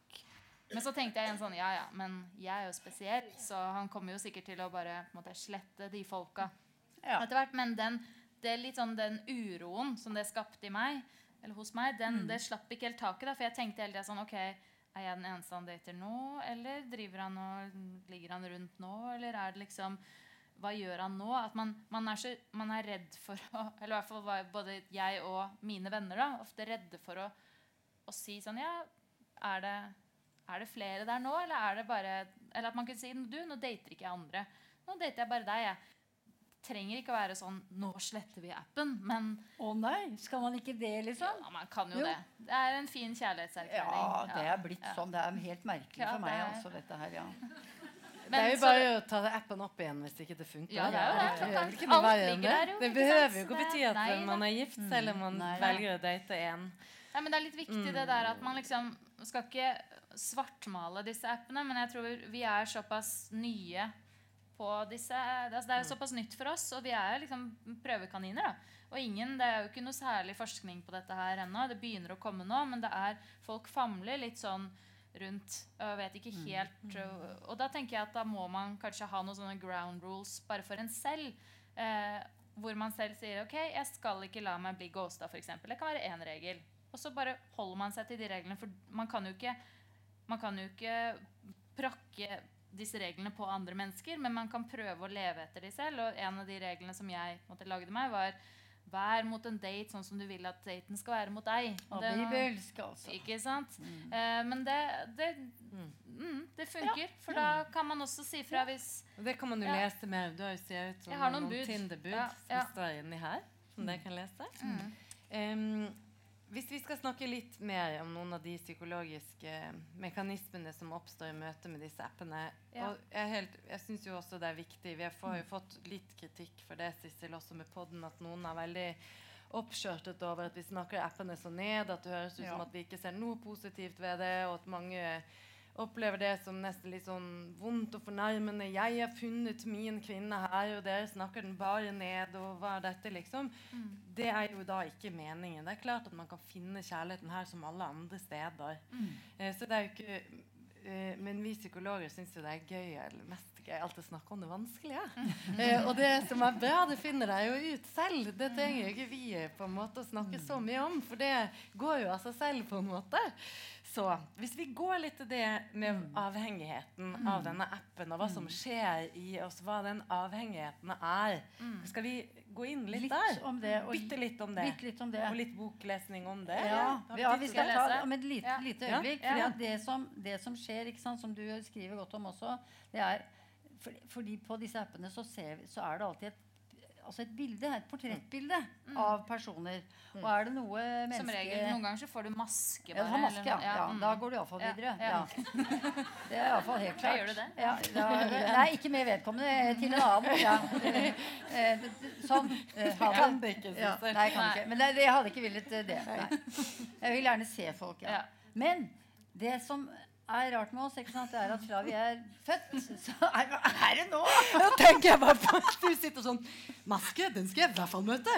Nei, Jeg skal i hvert fall gå inn. Du skal i hvert fall ikke møte! I hvert fall ikke møte. Nei, Ja, unnskyld. nei, jeg Vekk med det det. Ja. Ja. Nei, nei, det går fint. Det går veldig bra. Nei, vi er jo sånn at vi er veldig Vi er programmert til å reagere positivt på ansikter. Ja. Særlig smilende ansikter. Smilende ansikter, og babyer er, vil se ansikt heller enn alle andre, alle andre figurer i hele verden. Ja. Ja, det vet vi at babyer snur hodet mot ansikt mye heller enn, flode, mot flodhest eller bamse eller, Ja. eller en ting eller en vogn eller, eller en eh, bil eller en fisk. Ja. Ansikt, menneskeansikt er det vi vil ha. Så vi er på en måte preprogrammerte til å reagere med interesse. Ja. Så det er klart at når vi da ser det ene smilende ansiktet etter det andre, da, Ja. så sier du ping i hodet hver gang. Og ping, dopaminen, vet du. Ping, sier liksom, det er en liten sånn dopamindusj eller sånn belønningssenteret. Sier liksom pling hver gang. Å, mm, ah, ah, mm. Altså, du blir veldig sånn at man risikerer at hva skal vi si, og ikke klarer å la det være. Og også fordi hjernen elsker forandring. Elsker at det skjer noe nytt. Og her er vi, her er vi inne på noe vi syns du burde lese. Altså, øh, også sånn fordi øh, man vil ikke gå glipp av noe. Nei, det vil man ikke. Man vil ikke det. Side 123, tror jeg det var. Ja. da. Ja. Skal vi Hvor du har lansert et, eller videreutviklet et begrep der, rett og slett, Ellen Sofie. Jeg er eh, gjennomsnittsbrukeren til Tinder. Hun som logger seg på elleve ganger hver dag og bruker rundt sju minutter på hver innlogging. Altså nesten halvannens time daglig aktivitet. Jeg ligger på sofaen med telefonen i hånda og sveiper. Står ved kjøkkenbenken og sveiper. Sitter på do og sveiper. Jeg henger rundt på appene. Veksler mellom Tinder og appen. Klarer ikke bestemme meg. Legger fra meg telefonen, tar den opp igjen. Lukker appen, åpner appen, lukker, åpner. Sveipingen er drevet av en FOMAM, fear of missing a match. Bunken med menn blir aldri mindre. Sjansen for at det dukker opp noe bedre bak neste kort, er alltid til stede. Tenk om jeg går glipp av noe. Jeg ser på klokka. Det har gått over en time. En time hvor jeg har bladd meg gjennom utallige manneansikter. Nakken er øm, tommelen verker. Jeg legger fra meg mobilen og plukker opp en bok. Etter å ha lest noen sider kjenner jeg det. Rykket. Jeg plukker opp mobilen, trykker på flammesymbolet. Skal bare sjekke kjapt. 45 minutter senere sitter jeg fortsatt krumbøyd som en sjuende far i huset over telefonen. Hva er det som skjer med meg? Barnehagearbeider og hobbygitarist Lars Denne her er ikke helt god sånn. Um, barnehagearbeider og hobbygitarist Lars hadde også kjennskap til rykket. Stadig fisket han mobilen opp ut av lomma. På familiemiddag, på trikken, postkontoret, på jobbmøter. Til og med mens gavene ble åpnet på julaften. Høyre, venstre, venstre, venstre. Høyre, høyre. Nei, ja, nei, nei, ja, nei. Tommelen gikk av seg selv. Bunken med damer ble ikke mindre. Han måtte bare sjekke hva som befant seg på neste kort. Og neste. Og neste. Etter noen måneder begynte han å kjenne det i tommelen. En svak stikking hver gang han dro den over skjermen. Snart kunne han bare ta korte økter på Tinder før det begynte å stikke og dunke i tommelen. Han iste den ned. Han smurte på tigerbalsam. Det hjalp ikke. Det ble bare verre. Han fikk eh, påvist senebetennelse i tommelen, men han fortsatte sveipingen. Først da han ikke klarte å klimpre på gitaren lenger, ga han seg selv Tinder-karantene. Ja. Da snakker vi avhengighet. Ja. Rett Men det er jo veldig lett, da. Den telefonen er jo der, og Jo, jo. ja. Men det er addiction, det der. Jeg jobba med rus i gamle dager. det- Det er akkurat det samme. ja. For det, belønningen eh, kommer instant. ja. Ja. Ok. Men det som skjer også, er jo at altså For vi kjenner jo ofte på den, altså den dopaminfølelsen kan man jo få av andre ting enn enn Tinder. Altså du kan jo få det av å legge ut et bilde på Instagram og få hjerter der, eller noen som trykker tommel opp på posten din på Facebook. Men i tillegg da, så har du dette potensialet, dette ukjente potensialet, at når du får en match, så er det også hva hvis? Hva hvis den personen er personen jeg skal være sammen med? Og det gjør det enda lettere å gå tilbake, eller enda lettere å, ja, å være på den appen. For du har den, den Veien til belønning er så kort, da. Eh, og hjernen på en måte kobles opp mot en sånn Det går rett på hjernens gledessenter. Altså, ja. Ehm, og, og hjernen lærer seg veldig fort til å måtte, skjønne at ja, men dette må jo være greit. Jeg kan jo være på denne appen fordi jeg vil jo treffe noen. Så, så det er så, Derfor er det også vanskelig å legge den fra seg. Eller lett å være på den. Eller på disse ulike appene. Og lett å sitte og scrolle på den lista over menn eh, for mitt vedkommende menn som har gått forbi meg på Happen. Liksom, ser du bare de samme folka, fordi alle jobber jo på kontor rundt de samme Jeg husker da jeg jobba rett ved Stortinget, så var det liksom bare liksom, stortingsfolk og liksom Joe and the Juice-medarbeidere og bankmenn som jeg fikk opp de samme folka opp hver eneste dag. Men du sitter likevel og scroller, da. Fordi hva, hva hvis? Så det er jo det kan, det kan ta en del Det kan spise opp litt tid. Um, Som ikke nødvendigvis er sånn Det merka iallfall jeg. At det var veldig Jeg ble Som jeg beskriver her. At det var, det var så lett å Du sitter og leser en bok, og så Ja, men Jeg bare Men du fant litt. du noen til slutt, eller? Vi må jo kunne spørre Ja, om vi må det. kunne Ja, spørre om det, vi- det må dere gjerne spørre om. Eh, Nå gjør vi det. Ja. um, nei, jeg satt jo da på Happen eh, og satt og sånn. For der er det jo ikke sånn. Der går det sånn, liksom. Um, og da var det en fyr som uh, tenkte ja, trykket på bildet av han. Så på noen av bildene. var litt sånn, På det ene bildet var han søt, på andre bildet nja. Ok, men greit. Trykk hjerte. Og det ble en match. Men så skrev jeg ikke noe mer med han. Han uh, la seg liksom bare i bunken. Uh, så tenkte jeg ikke så veldig mye mer over det. Og så gikk det et snaut år. Og da var jeg på en eh, bursdagsfest hos en venninne. Da så jeg han igjen. Jeg følte det var noe kjent med han fyren der. Begynte å prate litt med han, og vi hadde en veldig fin samtale. Jeg husker at jeg likte liksom måten han som var liksom bakoverlent på barkrakken, og, og at han hadde en sånn liksom dyp og trygg røst som jeg syntes var det, Han var fin å snakke med. Og da husker jeg at jeg sto på bussen på vei hjem og hadde jo fortsatt Happen, da, men hadde, den hadde liksom ligget brakk en stund. Så jeg trykket på ikonet og opp med appen, og så gikk jeg liksom gjennom lista med matcher, og da lå han liksom da nederst i den bunken der. Så han var jo en av de jeg ikke Som det ikke ble noe mer med. Og jeg husker at jeg ikke skrev til han fordi fordi jeg var så lei av at jeg veldig ofte var den som tok initiativ. Jeg tenkte at ok, Hvis eh, du vil møte meg, så får du ta initiativ. Og da det ikke skjedde, så ja, så endte jo med at jeg tok initiativ igjen. da, Men da hadde jeg jo på en måte Så her er vi jo har et potensielt tema som dere kan jobbe litt Å ja, vi jobber med det hver dag. Nei. Hvorfor tok du ja, mm. Nei, men eh, ja, så det var jo på en måte en match, men det var også en match som, som, aldri, som aldri ble noe av.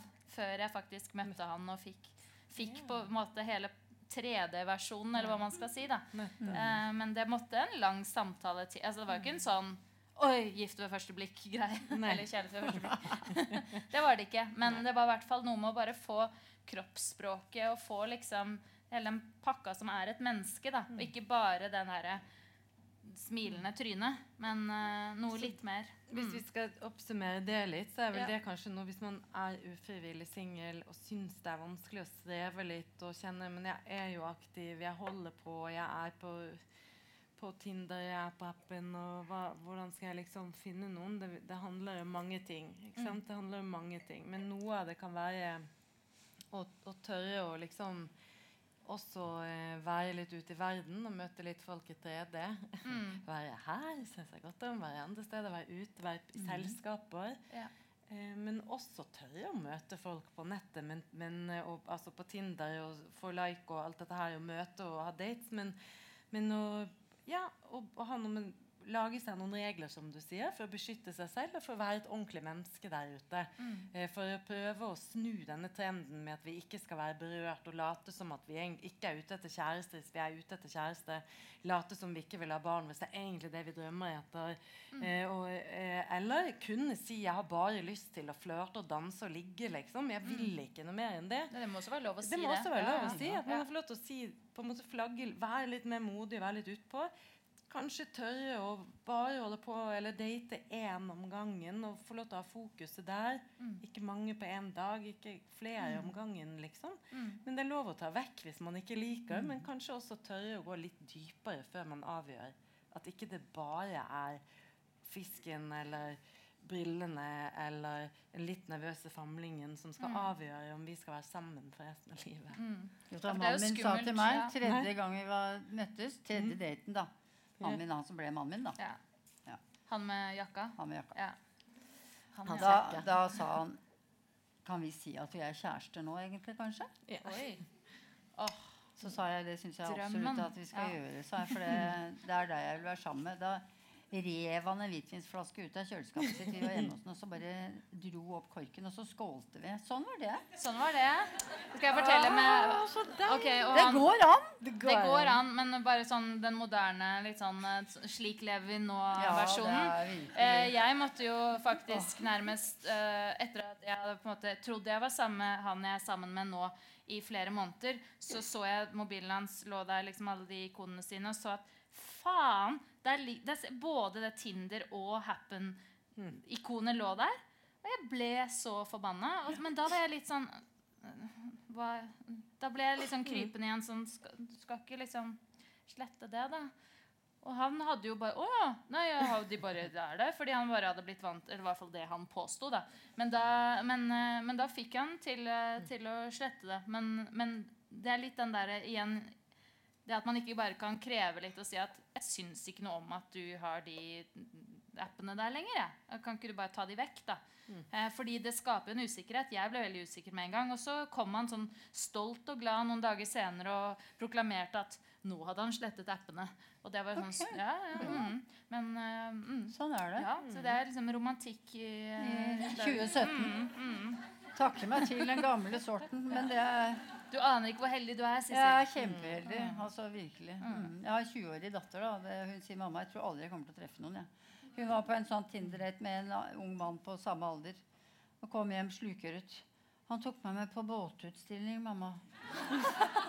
Og pekte på sånne store båter. Og det var alt de gjorde. Jeg tror ikke det blir han. Men han tok henne i hvert fall med et sted. da For det er også en ting Nå skal vi kanskje begynne å runde av, men Ja, det er en annen ting som jeg tenker som kan være fint hvis, du, hvis man er på date. At man For veldig mange av de jeg snakka med som var liksom misfornøyd, og det, var, «Å, det ble aldri noe mer Det var sånn Ja, men vi tar en 20 minutters kaffe før jobb.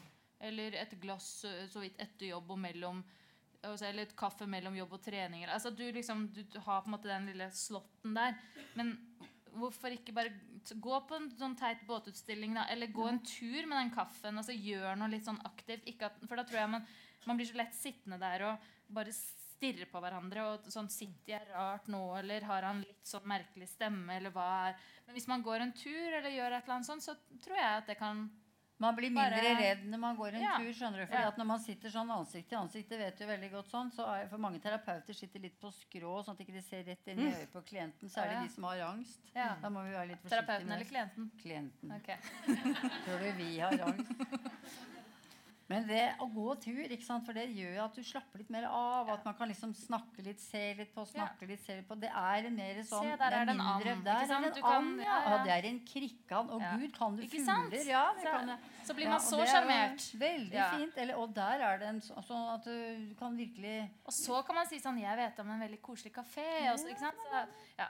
Nei, men så mm, Flere muligheter. Ja. Flere muligheter. mm, Man må ikke gi opp etter den uh, 20 minutters Men jeg, jeg tror vi er litt enige, Katrine og jeg, at man må være, kanskje våge å være litt grann mer frampå. Altså uten, å være, uten å være klamrete. Men våge å si litt mer hva man er ute etter her i verden. Og hva man lengter etter. Og hva man tror på, hva man vil, og hva man ønsker seg. ikke sant?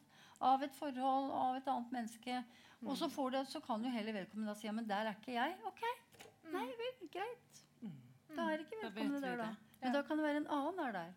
Ja. Og tørre å gjøre disse datesene litt viktig. Selv om det Ja. er en balanse mellom det at vi må beskytte hjertet, for det bør ikke bli noe, eller plutselig vil jeg føle mest og ikke den andre, og det er i seg selv utrolig skummelt og vondt. Men hvis vi ikke tør å begynne å gjøre møtene viktige, eller det mennesket til et menneske, så blir det ikke da er det, skal det mye til for at det blir attraksjon og forhold. Så er det noe med å tørre å liksom sette av litt indrefilettid holdt jeg på å si, til daten. Og så går det ikke, så går det ikke. Men det er mer sjanse for at det skal bli et ordentlig menneskemøte. At man skal tørre å snakke om noe viktig. At den, at den andre skal åpne seg. At det skal bli noe sånn trygt og fint. Eller spennende. Hvis man tør å lage det litt viktig og heller få plastre hjertet etterpå. Jeg skjønner det er vanskelig, for det er vondt å måtte plastre det hjertet etterpå. Det er det. Vi kan jo ta noen spørsmål fra Ja, vi kan gjengen her. Hvis det er noe hvis som det er lurer på noen og det er lov å gå og tisse, holdt jeg på å si. Eller, Ja, ja, ja. bevege eller handle Ja. eller sånn. Eh, for, for det blir jo mye snakking eller mye snakking fra oss, så vi skjønner det hvis dere har behov for det. Jeg vil også si at eh, Vi skal også legge inn litt tid så du kan signere bøker hvis noen vil eh, handle boken. Eh, Enten til seg selv eller julegave. Til en som trenger det.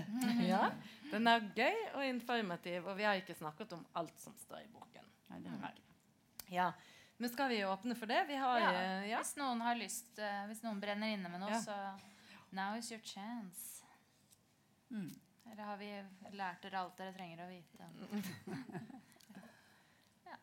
Vi har jo av og til litt sånn at man kan sende meldingen hvis det er litt ekkelt å snakke høyt. så jeg skjønner det, Men det, ja, nå har vi det ikke sånn. Men kan vi spørre da, er det noe av det vi har snakket om, er det relevant? Altså Er det gjenkjennende for dere? Kjenner dere noen andre, ikke dere selv, som kanskje har vært inni noe som ligner på det vi har snakket om? Ja, at det kan, ja fint. Og at det kan ha en relevans. da, At det kan være noe å snakke om uh, seinere når dere liksom går hjem i kveld, eller tar med seg lomma. Og at eh, vi ikke har kastet bort tiden deres. Det ville jo nødvendig. Nei. Nei. Det hadde vært litt trist. Der er det et spørsmål. Yes, Yes. så bra. Ja.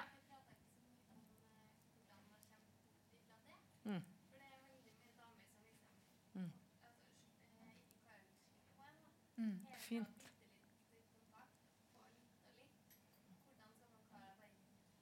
Mm. Så det hun sier for dere her borte, hva, hva, hvordan kom, kan man komme seg ut hvis man har blitt benket og sitter i dette hektet og eh, håper at uh, jeg blir vel, jeg vil egentlig den vedkommende vil ha, eller at er, han er egentlig snill, eller hun er egentlig opptatt av meg, hun er bare litt opptatt akkurat nå. Eh, type, Hvordan gir man litt faen? Hvordan gir man litt faen, sier hun. Så Sissel, der vil jeg Ja, gjerne se Eksperten på på deg, hekt, ja. som tross alt også har skrevet en bok om hekt. Og vi kan jo ikke ta hele den, Nei, men se om hva, For det handler om det. Altså, det er en hel bok da, som heter 'Hekta'. Ja. som du kan lese. Og, og dere kan lese som, eh, hvor jeg beskriver hva er et hekt. da. Og Det er jo denne nervøse ventingen som, og at man ikke klarer å gi slipp. At man blir ukonsentrert og begynner å tenke for lite på andre ting. og blir selvsensurerende og får vanskeligheter. Kanskje gjør det dårlig på jobben sin eller blir ukonsentrert med studiene sine og litt slumsete med vennene sine og spiser feil mat og roter det til helt for seg. Som Nora i min bok 'Hekta'. da, Som eh, ved hjemmet hennes så ut som en grisebinge etter hvert. For hun klarte ikke å rydde og ordne og var bare helt hekta på Frank, som vi kalte han. Så de som driver med hekting, det kalte jo vi for frankere, da. Eller frankiner. Ja. Hvordan kommer man seg unna de frankinene? Nei, det er hardt å komme unna det. Og det så da det, er, altså det handler om å først skjønne at det er det man er inni i. da. At, eh, For det handler jo om en erkjennelse av at jeg sitter faktisk her på benken og er blitt fanget av en idé om at bare jeg sitter her og venter lenge nok, så kommer det kanskje til å skje noe veldig bra, og jeg kommer til å lykkes. Og den tilbedte vil etter hvert komme til mig. Det skjer veldig ofte ikke. Man har, eh, hvis man tenker seg om, så har man mer enn nok av, av bevis for at vedkommende ikke kommer til å, å åpenbare seg som den personen som, eh, som vil ha deg, og som du vil ha. Men det som er vanskelig med å sitte sånn på benken, det er at man stadig har et håp. da. Så det er, eh, den boka 'Hekta' handler om å kverke håp. da. ja. Det, er, det, er, det er en veldig morsom bok av Lene Andersson, som eh, de sikkert har her, som eh, heter 'Rettsstridig forføyning', oversatt til norsk. Som hun skriver at håpet er en parasitt på menneskekroppen. Den må, ja, den må, du må helt slutte å gi den oksygen. altså Den må ikke næres eller fôres med noen ting. Du må rett og slett du må si til vennene dine 'Jeg har vært inne i et sånt hekt. Jeg sitter her på benken. Jeg skammer meg. Jeg sliter med det.' Sånn, som så må vennene dine belønne deg hver gang du ikke snakker om vedkommende. Det er veldig smart. Og Eller det- gå ja. rundt på de stedene hvor vedkommende er. Du må er. unngå de stedene vedkommende er. Du må la være å svare på SMS-er hvor vedkommende kanskje det er veldig skriver vanskelig, hei. det er Ja, veldig vanskelig ja. men det, det, mitt lille tips der er at man heller skriver den meldingen til, en, eller til venninna si. Mm. eller noe sånt. Sånn gjorde jeg. Men jeg, jeg kjenner meg veldig igjen i det. Mm. Vil du si noe mer om Jo, eh, jeg er veldig åpen om dette, både vennene mine og til han. da. Ja. Jeg har flere ganger liksom avslutta det, eller sagt at nå er det ferdig. Nå er det slutt, ja. Men han respekterer jo ikke det, da, hvis han fortsetter. Men det må man jo kanskje formulere på et eller annet vis også. At, ja men da bruker vi Fantomets metode, står det i boka Hekta. da. Og den, Ja. hva er Fantomets metode? Hard mot de harde, gammelt Ja. jungelordtak. Ja. Fordi da må du sånn sette hardt mot hardt. Si til vedkommende Du, ikke kontakt meg mer, for du mener ikke alvor med dette her. Fuck it. Ja, rett og slett. Fuck Ja, it. fuck it. Sissel Gran, sitat. Ja. Det kan du si. Jeg snakka med Sissel Gran, og hun sa 'fuck it'. Så mm. Nei, men det er, men det er, vanskelig. vanskelig. Det er jeg hadde det bare for noen år siden. Det var eh, ikke en fyr på Tinder, men det var en sånn trommis som jeg syntes var litt søt. Han sa sånn 'Jeg trenger ikke Tinder, jeg'. Men jeg bare ja, nei. he». Og, og han var sånn Varm og kald av og på hele tida. Og, og så er det noe med at man vil på en måte vinne. Du vil at den personen skal like, Eller at du skal liksom klare å overbevise personen til slutt om at faen, det er jo meg du vil ha. liksom. Du bare vet ikke, men, men jeg er jo så bra. Eh, Men til slutt, jeg måtte si til meg selv flere ganger igjen og igjen og igjen at nei, han vil ikke det. Det er så tydelig. Men jeg måtte ta den, gå liksom den stien da, så mange ganger. Tråkke fram og tilbake og gå liksom igjennom. Og, og, og, jeg tror i hvert fall jeg hadde i hvert fall med å tolke alt veldig sånn, i sånn positivt lys. Da. At liksom, men nå tar han jo kontakt, så da er det jo topp. Men istedenfor å tenke på at alle de gangene han faktisk ikke var der, eller ikke gjorde det. Så det er igjen dette med selvrespekt. da, Å kunne bare si fuck it. Uh, dette, dette gidder jeg ikke å være med på. fordi man blir jo såra av det. Og man vil jo ikke være sammen med en person som sårer deg igjen og igjen heller. Men det er vanskelig, vet du. Det er veldig vanskelig. Du må på emosjonell rehab. Det er det du må. Du må gå AAs tolvtrinnsprogram for å klare å komme deg ut av sånt. Ja. Det er skikkelig vanskelig, fordi det, det har satt seg fast. Mm, Så, Men det er jo det vi, kan også ikke, vi kan ikke gi alle rådene, men, eller hele oppskriften, men oppskriften finnes i den Ja. boka. Mm. Så kanskje bruke den fantomet-metoden før, før du lar det gå for lang tid. Da. Men det er, jeg kjenner jeg nesten blir liksom provosert også hvis, hvis det er sånn at du faktisk har sagt det til denne personen, og personen fortsatt ikke respekterer det, eller ikke Da er det liksom Hallo. Da, da ser jo ikke personen deg, da. Og da er, du vil vel ikke sånn i bunn og grunn være sammen med en sånn en. Eh, hvis man skal være veldig hard og bruke fantomet-metoden og alt det der.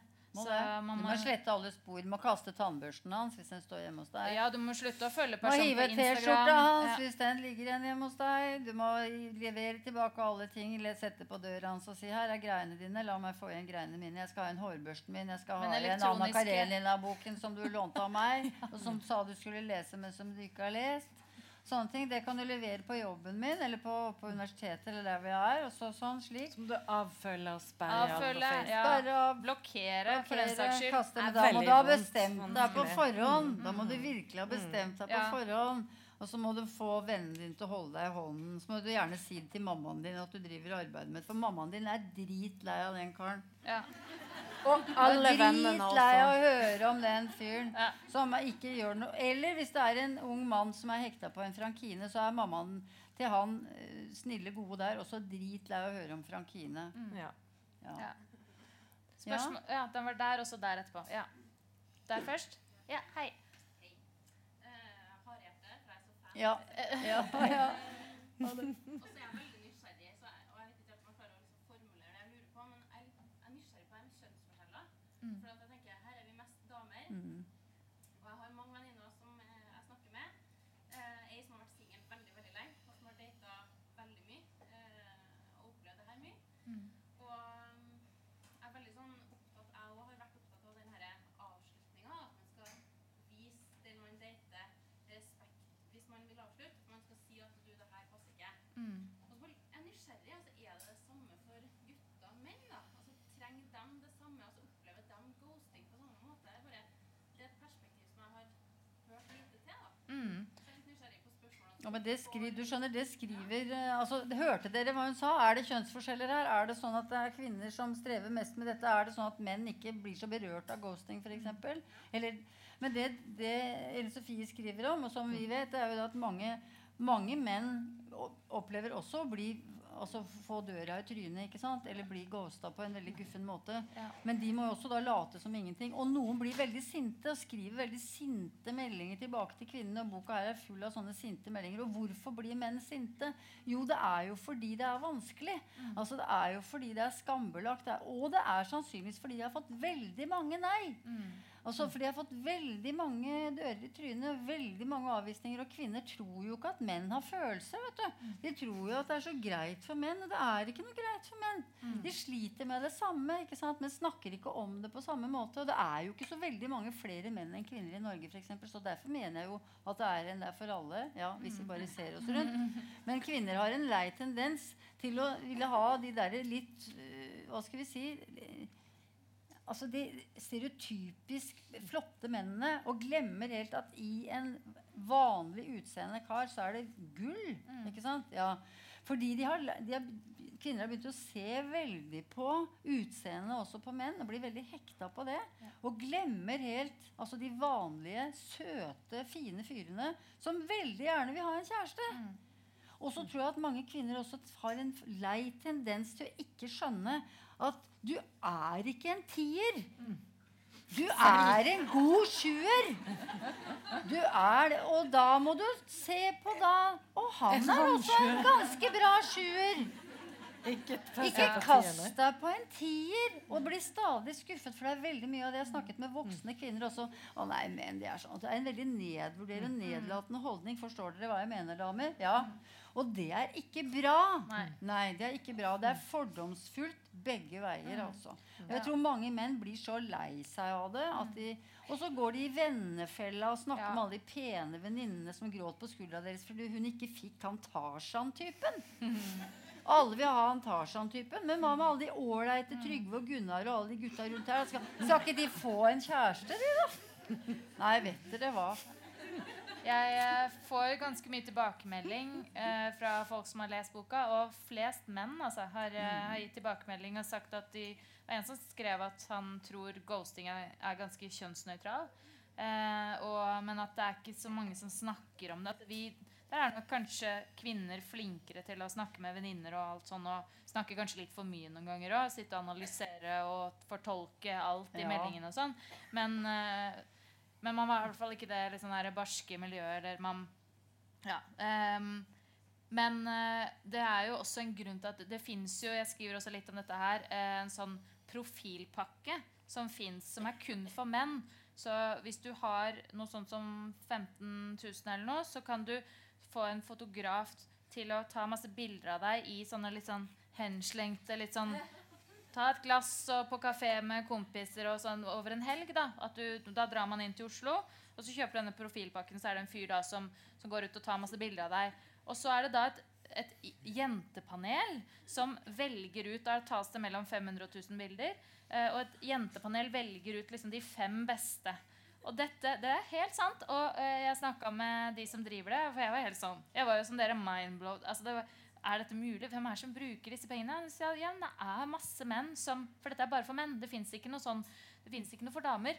Um, så det er tydelig liksom bare menn som trenger det. da Men der var det mange menn som opplevde det at de aldri fikk en match.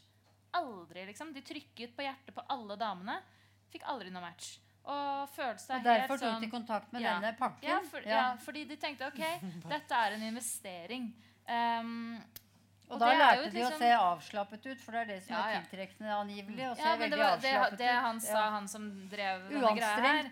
Perfekt profil heter det. Dere kan google det. Okay. Uh, men han sa det at en del menn de skjønner ikke hva som er bra bilder. Det er liksom Noen bare liksom legger ut noen greier og 'øl med gutta'. Men det damer da tenker 'øl med gutta', er bare sånn er, Driver han bare og drikker, liksom? Eller hvis han bare har samme bilde på liksom fire bilder med hvor han smiler litt, eller, liksom er samme, eller bare har solbriller på hvert bilde, så, så er det, det er bare nei. Men så, så det er det liksom det er, de læres opp til hvordan man kan se sånn avslappa og fin ut på bildene. Og det kalte han, eh, han kalte for kjekkhetsinntrykket. da. Det er Å, ja. viktig.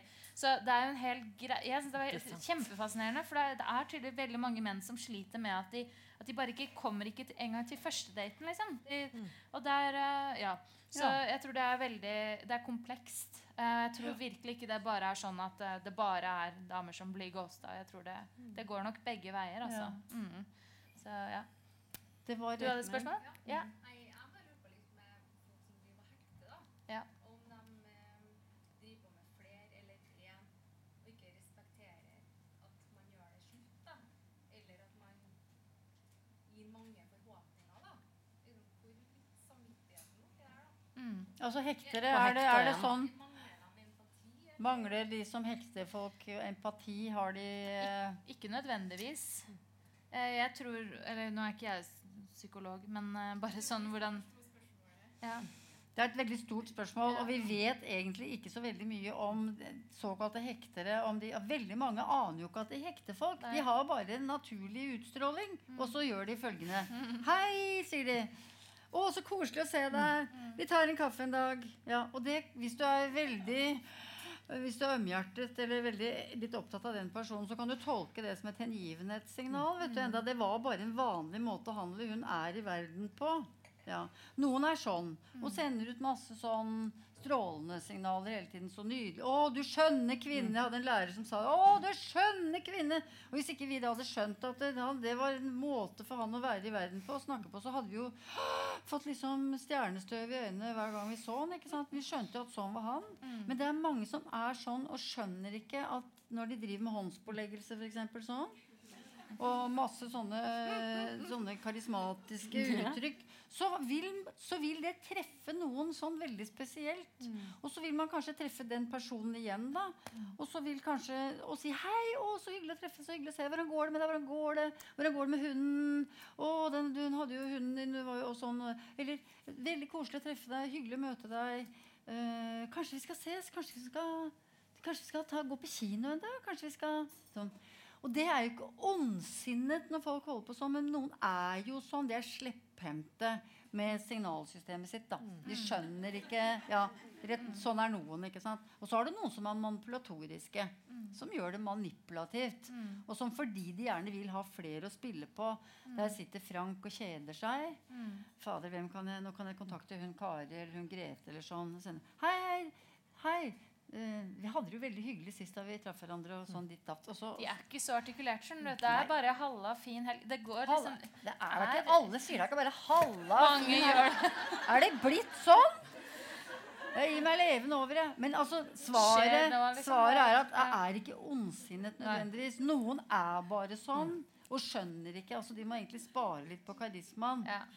Men sånn som Altså- han, eh, han snakkes her, da, som jeg skriver om, han sa jo det da jeg konfronterte han med det. At uh, hvorfor, hvorfor Fordi det var jo ikke det at han heller bare Han ghosta jo ikke helt sånn brutalt. Det var en sånn Ja, vi sikkert møtes en gang, ja. Ja. men, men han tok aldri initiativ. Men han sa Ja. heller aldri Nei, det vil jeg ikke. Men det han sa, var at han han var egentlig, ja, hadde denne kjærlighetssorgen sin. Men, men så syntes han jeg liksom var sånn bra kjæresteemne. Så egentlig så var det veldig bra. Det var bare sånn dårlig timing. Men hvis han bare kunne på en måte legge meg litt sånn i bakgrunnen der, sånn at han ikke liksom avviste meg helt, men, men kunne holde meg litt sånn varm, så, så jeg holder meg litt på benken. Sånn at kanskje om noen måneder så ville han vært klar. Så han ville liksom ikke det var, Han så på meg som liksom sånn bra kjærestepakke, liksom, men det var bare ikke Ikke akkurat nå. Ikke akkurat nå. Så det, det, det, det sa han. Da ble jeg nesten litt sånn Jøss, sa du det? Ok, ja. Du skal ha for at du sa det. Eh, Men, eh, men så er nok noe der også at man Og dette med at man har mange muligheter og sånn, da vil man jo Kanskje man vil sondere terrenget litt, da. Ikke sant? Og legge den andre litt bort. Men jeg vil Det- anbefale ja. Lena Anderssons bok Ja. hvis man lurer på disse tingene. Begge to. Og Og anbefale anbefale min egen Hekta. bok. Ja, det må Hekta. du gjøre. Det vil og jeg så gjøre. kan man lese der og tenke 'Fader Ulland, dette er meg'. Mm. Og arbeide litt med saken. Mm. Tror jeg. Fordi man, det, her handler det mye om disiplin. Altså. At man må Ja. disiplinere seg og holde seg selv igjen som en alkis som ikke skal gå på polet. Altså. Mm. Ikke, ikke drikke i dag, ikke tekste Frank i dag, ikke svare ja til Frank eller Frankine i dag. Ja. Vi må slutte nå. Vi må slutte Ja. nå. Ja. Er det greit? Er det, har dere overlevd? Det er bra. Det var veldig hyggelig. Ja.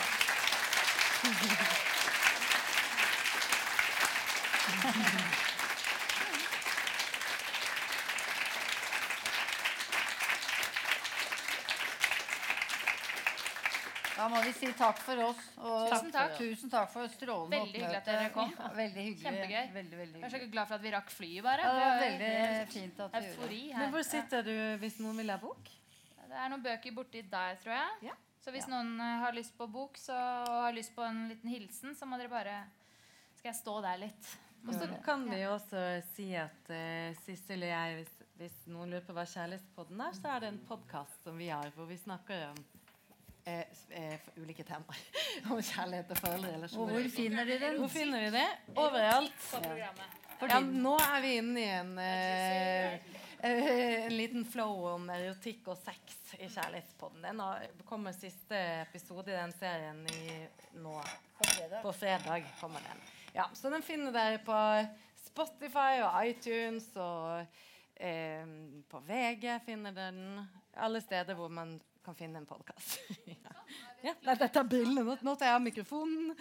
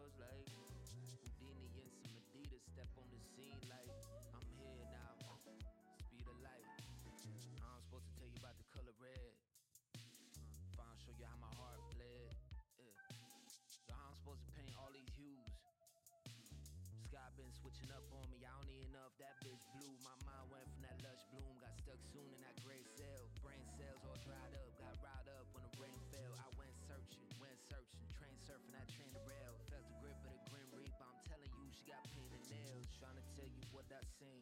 Walking the ceilings of these rooms full of one-eyed kings. She in the